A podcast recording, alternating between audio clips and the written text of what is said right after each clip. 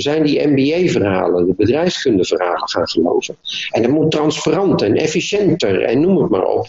Ja, en langzamerhand zijn we dat allemaal tegen elkaar gaan zeggen. En zijn we steeds meer van die methodieken gaan overnemen. En ook in veiligheid.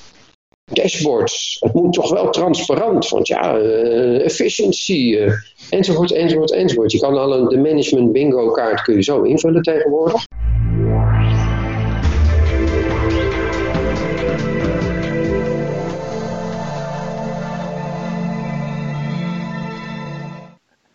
Safety Monkey Podcast, Timothy hier. Dus Storm Chiara en Dennis gaan we de volgende podcast online gooien. Het Rijnlands denken heeft toch wel wat snaar geraakt en de podcast gaat niet onbesproken. Wat natuurlijk hetgeen is waarvoor we de podcast zijn gestart, om die discussie aan te wakkeren. Het Rijnlands denken heeft alles in huis om te dienen als voedingsbodem voor de discussie. Ik kan jullie, om die discussie nog verder in te zetten, um, de Safety of Work aanraden als podcast, mochten jullie nog eentje zoeken. De Safety of Work slaagt erin om een onderwerp academisch te benaderen en de voordelen als ook de bedenkingen ervan te, bespreken. Laat ons zeggen een Zero Accident Vision implementeren, iets dat zeer bon is tegenwoordig en iedereen wil naar nul. Wel, luister eerst eens naar Drew en David.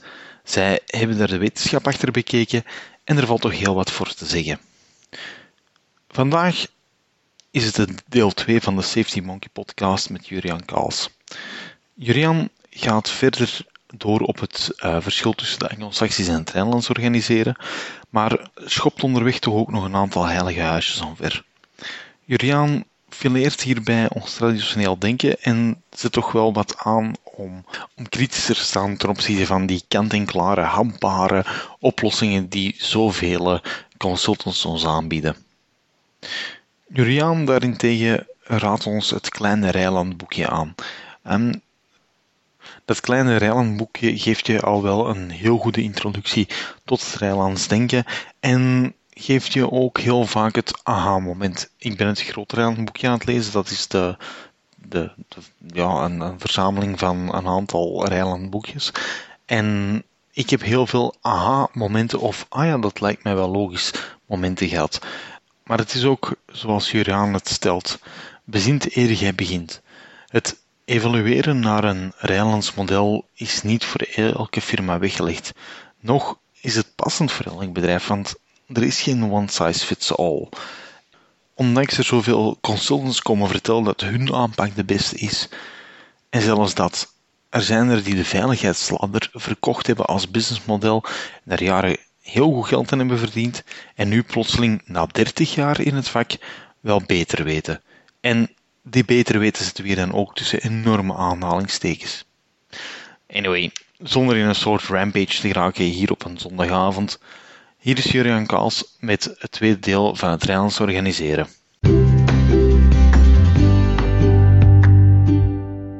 Hier zit volgens mij een fundamenteel verschil in tussen Anglo-Saxisch en Rijnlands. In het Anglo-Saxisch ga je regels volgen. Dan, dan, dan, gelden de regels, is een rule-based society, zeggen ze altijd. Regels zijn regels. En Rijnlands is een principle-based organisatie.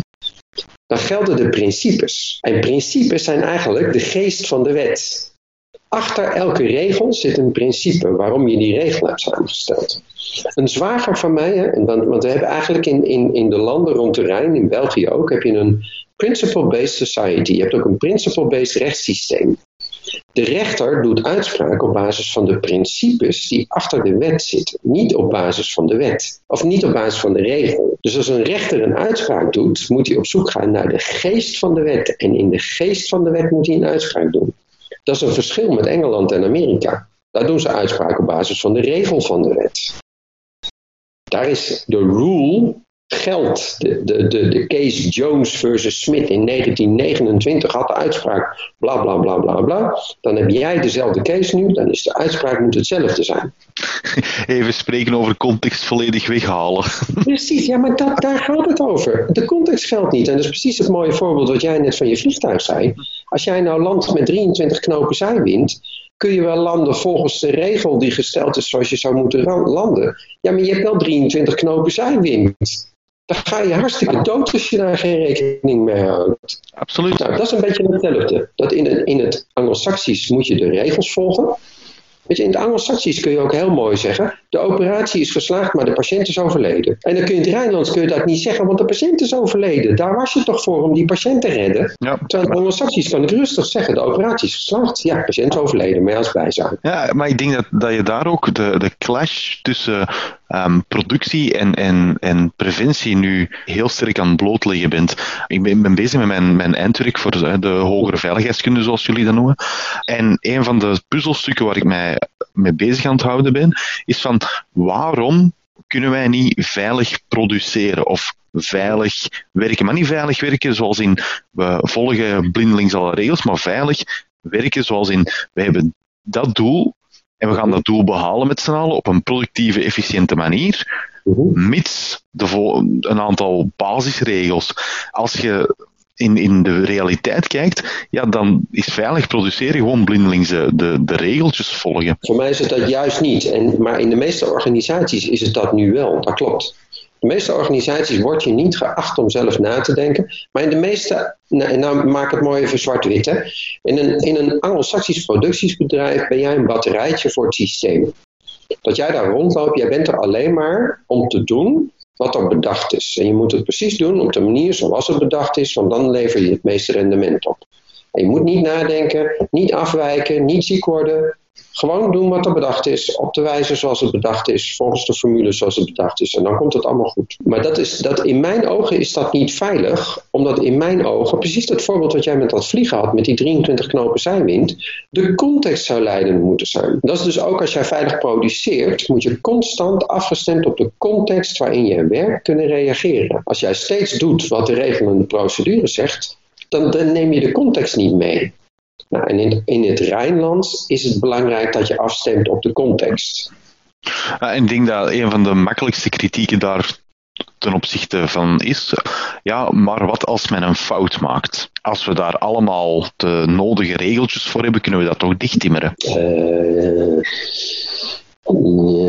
ja, en daar hebben we er nou zoveel van gemaakt dat we niet eens meer weten hoeveel we er hebben. Ja. dat, is, precies wat jij nu zegt met die, met die verpleegster. Ik snap het. Hè, en ik snap ook nog dat het met een goede intentie gebeurt met die verpleegster. Maar daar waren inderdaad 800 regeltjes en procedures, waarvan ze er maar vier kent. Dus we leven dan in een soort utopische werkelijkheid waarbij we denken, als we het nou maar opschrijven, dan gaat het nooit meer gebeuren. Dat, in Nederlands noem je dat dan je kloten klaren. Denk je dat je daarmee van je verantwoordelijkheid af bent? Dan ga je als HSE'er, maak je weer een nieuwe procedure, want je bedacht dat er best iets zou kunnen gebeuren. En dan lever je die procedure, die introduceer je in de organisatie, stuur je even per e-mail naar iedereen toe. Nou, is iedereen weer op de hoogte. Dat kan nooit meer gebeuren. Terwijl een Rijnlandse organisatie, als er iets zou gebeuren, ga je met elkaar aan de tafel zitten, ga je kijken, jongens, is dit nou fundamenteel relevant voor alle mensen in de organisatie? Moeten we daar iets mee? Mist dat in het in het leertraject wat we hebben, mist het in het ontwikkeltraject. Ga je kijken hoe je die kennis gaat uitwisselen naar andere mensen. En als het echt iets heel fundamenteels belangrijk is, besteed je er op een echt op een fundamentele manier aandacht aan. Hmm. Maar datgene wat vaak gebeurt bij één iemand, wil niet automatisch zeggen dat dat met alle andere mensen gebeurt. Hmm.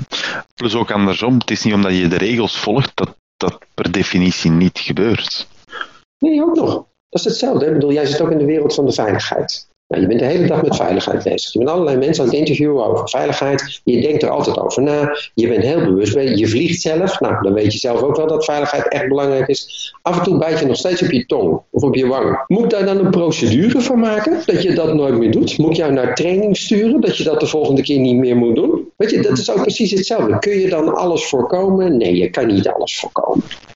Moet je het willen dat je alles voorkomt? Ja, natuurlijk moet je willen dat er geen mensen doodgaan. Natuurlijk moet dat een drijfveer zijn. Maar volgens mij, de wijze waarop we het nu doen, vraag ik me af of we niet langzamerhand het tegenovergestelde bereiken. Ja, ik denk dat, dat de intentie inderdaad goed is van, van hoe dat we momenteel, hè, wat jij noemt het Engels-Saxisch uh, organiseren. Ik denk dat de intentie inderdaad wel goed is, maar dat zijn doel volledig voorbij aan het schieten is. Um, ik, denk, ik, denk, ook, hè, de afgelopen 25 jaar dat we heel veel verbetering hebben gerealiseerd met dat Anglo-Saxisch organiseren. Absoluut. Ja. Want als ik 25 jaar geleden kijk, toen ik op de Maasvlakte rondliep, nou was er elke week wel een brandje of een explosie ergens. En dan ging je naar zo'n fabriek toe en dan stonden daar die trotse brandweermannen met van die zwarte strepen op hun gezicht. En die vertelden trots dat ze een brandje hadden geblust of die explosie hadden opgelost. Nou, perfect. Het is heel goed dat dat allemaal er niet meer is. Dus ik denk dat met het, met het maken van regels en procedures en veiligheidsmiddelen en materialen ontwikkelen, we hebben echt heel veel verbeterd, gelukkig, maar we zijn daarin doorgeslagen. En ik denk dat we echt gewoon, gewoon daarin te ver gegaan zijn. En dat we nu zo ver gegaan zijn dat we ook het vakmanschap van mensen hebben uitgeschakeld. Hm. ik denk dat ze daar in de verpleging weer een, een heel mooi tegenvoorbeeld hebben van hoe het anders kan en beter kan. Um, een vriend van me vertelde, zij hebben standing orders, heet dat. En dat zijn, ik denk, een tiental zaken. En um, dat zijn een tiental basishandelingen die zij, die zij moeten doen in hun, in hun werk, in hun bepaald vakgebied. En dat moeten ze van buiten kennen. Daar is ook niet over te discussiëren. Dat zijn heel korte, krachtige zaken. Bijvoorbeeld, um, wanneer je een, een patiënt um, benadert, hebben zij een aantal stappen die zij moeten nemen. Dat is een checklist van, ik denk, vier of vijf punten. Kan er, kan, kan fout zijn, ze, ze, kunnen er meer zijn, maar het is heel kort en krachtig. En die moeten ze elk jaar terug opnieuw um, ja, een stuk een, een, toetsing voor doen. Mm Maar dat zijn die tien punt en niet die 700 regeltjes die ze moeten kennen. En ik denk dat daar de, de verpleging uh, veel meer kijkt naar context, omdat zij zeker um, heel goed weten dat hun dagdagelijkse job elke dag anders is. Brandweermannen ook.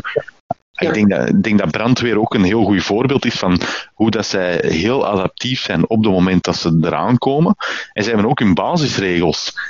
En die worden gevolgd. He, ga bijvoorbeeld niet in de wind staan. Hm? Lijkt mij al een, een goed idee. Ja. Maar als de wind draait, zullen zij ook wel een aantal zaken hebben dat, dat ze kunnen doen om, om, om zich in veiligheid te brengen. Daarvoor hoef je geen 700 procedures te schrijven, denk ik. Nee, eens. eens. Maar dat geldt een beetje hetzelfde voor landen met dat vliegtuig van jou. Daar kunnen we 700 procedures voor schrijven om voor elke situatie een procedure te bedenken. Of we kunnen van jou een vakman maken, dat jij op het moment dat jij met dat vliegtuig aan het landen bent, zelf de omstandigheden meeneemt en de context meeneemt voor het nemen van een besluit. Dat is een prachtig voorbeeld daarin. Weet je, dat, dat, dat, een vriendin van me was, was anesthesieverpleegkundige in een ziekenhuis. En daar hadden ze ook zo'n van die standing orders. Dan ze ook moesten ze tien dingen doen. En een van de dingen was, als iemand met een schotwond binnenkwam, moest je een thoraxfoto maken. Nou, dus op een gegeven moment komt er iemand binnen, schotwond werd er gezegd, nou, het wordt allemaal klaargemaakt, wordt neergezet, man komt binnen. Alleen hij had een schotwond in zijn voet. Maar ja, de procedure zei wel dat je een thoraxfoto moest laten maken. Oeps. Ja, Weet je, ook daar zitten allemaal van dat soort dingen in. Dat ik denk, ja, hoe ga je daar dan mee om? Hè? En wordt dat dan, wordt dat lijstje wat je gemaakt hebt van het maken van die thoraxfoto, wordt dat dan leidend? Of is het principe erachter, namelijk dat dat lijstje wat je had, is een hulpmiddel voor jou om zelfstandig te blijven nadenken. En in kritieke situaties is het soms best handig om even een lijstje te hebben. Maar oh ja, waar moest ik ook alweer aan denken? En in dit geval had ze dus ook kunnen bedenken, nou, thoraxfoto, hij heeft een schotwond in zijn voet. Nou, de kans dat er iets met zijn hart is, nou, dat daar schade aan zijn hart is, ja, dat is niet zo groot als hij in zijn voet geschoten is. Maar ze moesten het toch doen. Nou, dat zijn van die dingen waarvan ik wel eens denk, ja, hmm. Dan heb je het echt anglo-saxisch ingevuld. En dan heb je het niet overgelaten aan het vakmanschap van de mensen. En op het einde van de manier vertrouw je dan de mensen niet dat ze voldoende vakmanschap hebben om het op dat moment te beoordelen. Nou, dat geldt een beetje hetzelfde in die veiligheidswereld. Gaan we nou zorgen dat op het moment dat er iets gebeurt wat je niet verwacht had, dat mensen vanuit hun vakmanschap de context in ogenschouw kunnen nemen en dan kunnen beoordelen, wat ga ik nu doen met goed verstand of willen we dat mensen als ze in een afwijkende situatie terechtkomen gaan nadenken? Dat zijn de procedure ook alweer. En in de meeste grote organisaties maken ze mensen nu wakker midden in de nacht en dan moet je de procedure kunnen opdreunen. Oei. En dan zijn we inderdaad helemaal doorgeslagen. Ja, dat denk ik wel. Ik denk dat we in veel, veel gevallen in die wereld doorgeslagen zijn. En gelukkig dat nu op veel plekken steeds beter realiseren. Ja, ik denk ook omdat het te complex aan het worden is. Waar, waar vroeger hè, het, het, het um, regeltjes komt dan van Taylor, um, wat is dat, jaren 1920 ongeveer, hè, bijna 100 jaar geleden.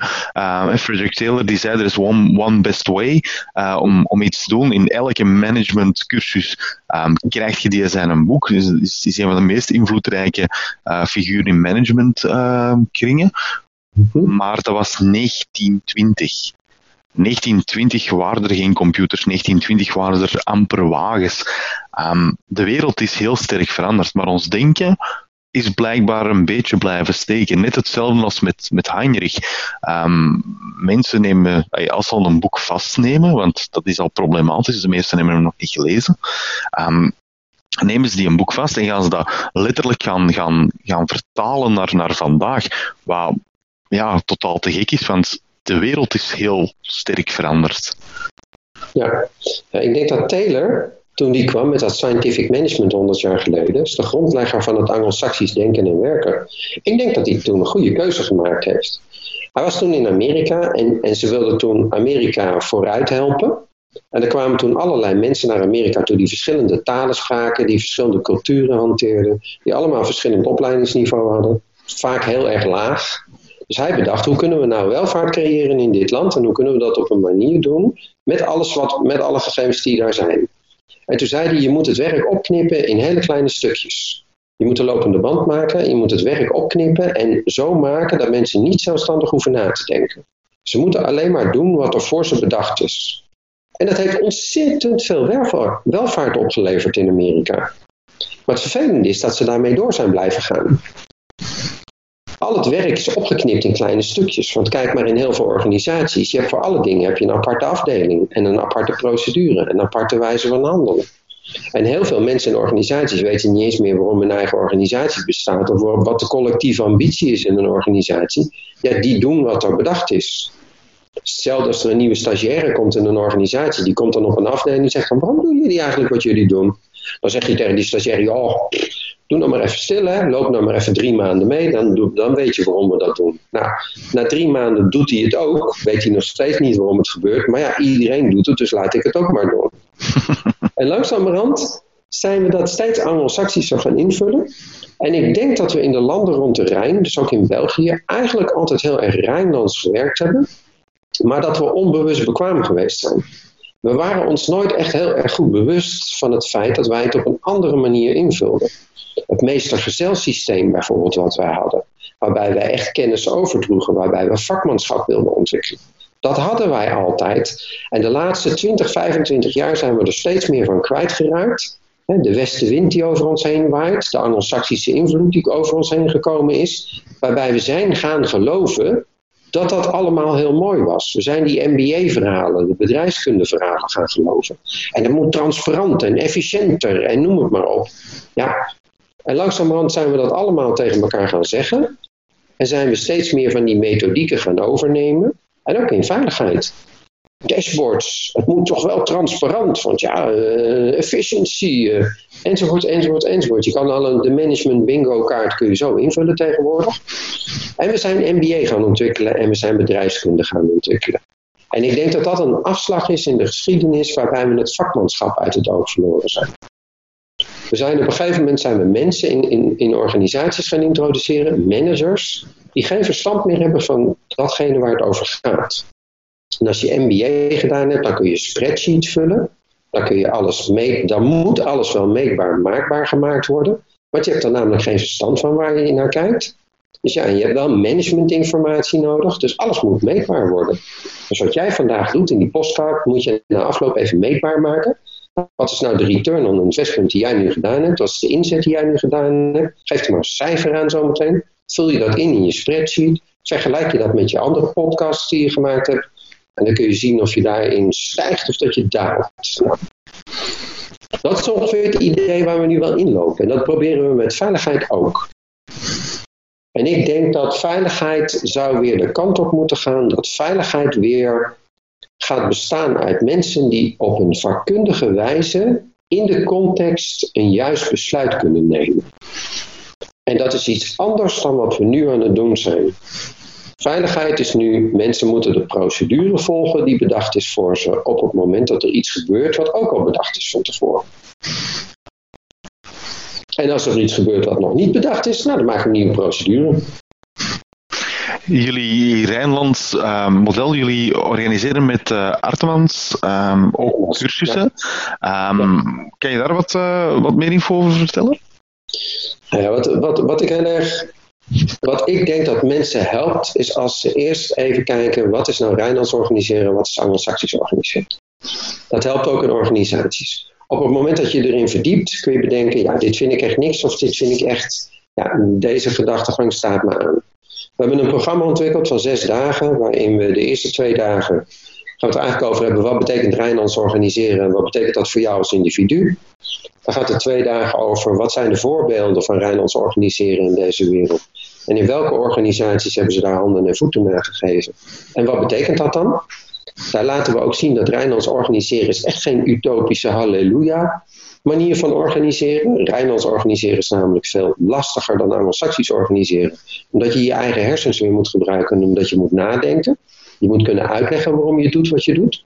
En dat vinden mensen best moeilijk en best lastig. Het is nou makkelijker om te zeggen dat je gewoon de procedure hebt gevolgd. Hoef je zelf niet na te denken. En de laatste twee dagen in dat programma gaan we het erover hebben. Nou, als je dat Rijnlands organiseren nou beetpakt, wat ga je dan doen in je eigen organisatie of in je eigen wereld? En gedurende die zes dagen zijn we ook bezig met bijvoorbeeld een venijnig vraagstuk. Iets waar je in je leven constant tegenaan loopt en steeds maar niet opgelost krijgt. Gaan we ook kijken of we dat met, als we er met twee brillen naar kijken, met een Anglo-Saxische en met een Rijnlandse bril, of we dan andere mogelijkheden zien. Nou, en in dat programma merk ik wel dat het, dat het, ja, voor heel veel mensen is het echt wel een eye-opener. Van god, er is eigenlijk een, een hele andere manier in deze wereld waarop ik betekenis kan geven aan de dingen die er zijn. Hetzelfde altijd in die veiligheidswereld hebben we het altijd over BBB, hè? beeldvorming, betekenisgeving, besluitvorming. Hè? Beeldvorming, je ziet iets, je neemt iets waar. En vervolgens geef je daar betekenis aan en vervolgens neem je een besluit. En dat eerste, je ziet iets, kijk je nou eigenlijk wel? Kijk je alleen maar naar datgene wat je altijd al gezien hebt? Maar kijk je wel echt, zie je eigenlijk wel wat er eigenlijk is? En dan betekenisgeving, als je dan een Anglo-Saxisch of een Rijnlandse bril opzet, kan ik er op verschillende manieren betekenis aan geven aan datgene wat ik zie. Dan kan ik dus ook een verschillend besluit nemen. Nou, dat nemen we mee in dat programma.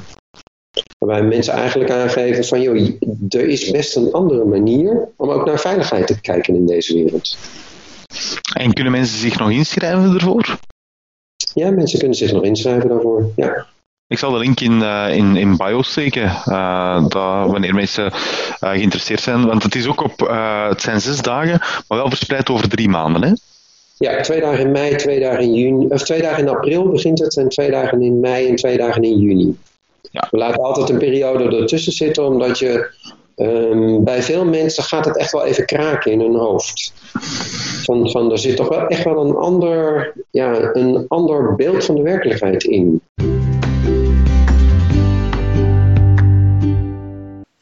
Wow, wat vonden jullie hiervan? Juriaan ligt toch wel de zoute vinger diep in de wonden met een aantal ja, toch wel quotewaardige uitspraken. In de vorige aflevering was dat is hetzelfde als dat je vegetariër wil worden, alleen niet tijdens het eten. Um, toch wel een van mijn favoriete quotes. Uh, moet ik nu wel zeggen dat ik het um, in het Anglo-Saxisch denk ik kan je perfect zeggen de operatie is geslaagd, maar de patiënt is overleden als toch wel mijn favoriete quote gaan nemen. Nu, Juriaan, beide quotes gaan in mijn eindwerk en als er ooit een boek van komt, ik zal ze met heel veel plezier aan jou toeschrijven. Juriaan is trouwens ook ongelooflijk toegankelijk. Zoek hem op LinkedIn, contacteer hem via de website en luister eens naar wat die man te zeggen heeft. Er zullen er zijn die het maar niks vinden en, en dat is oké. Maar er zullen er ook zijn die zijn werk als, als het laatste puzzelstukje in die lange zoektocht beschouwen. Maar wat je ook doet, vertel het voort aan je collega's en vrienden. Abonneer je, blijf nieuwsgierig, stel alles in vraag en tot de volgende podcast.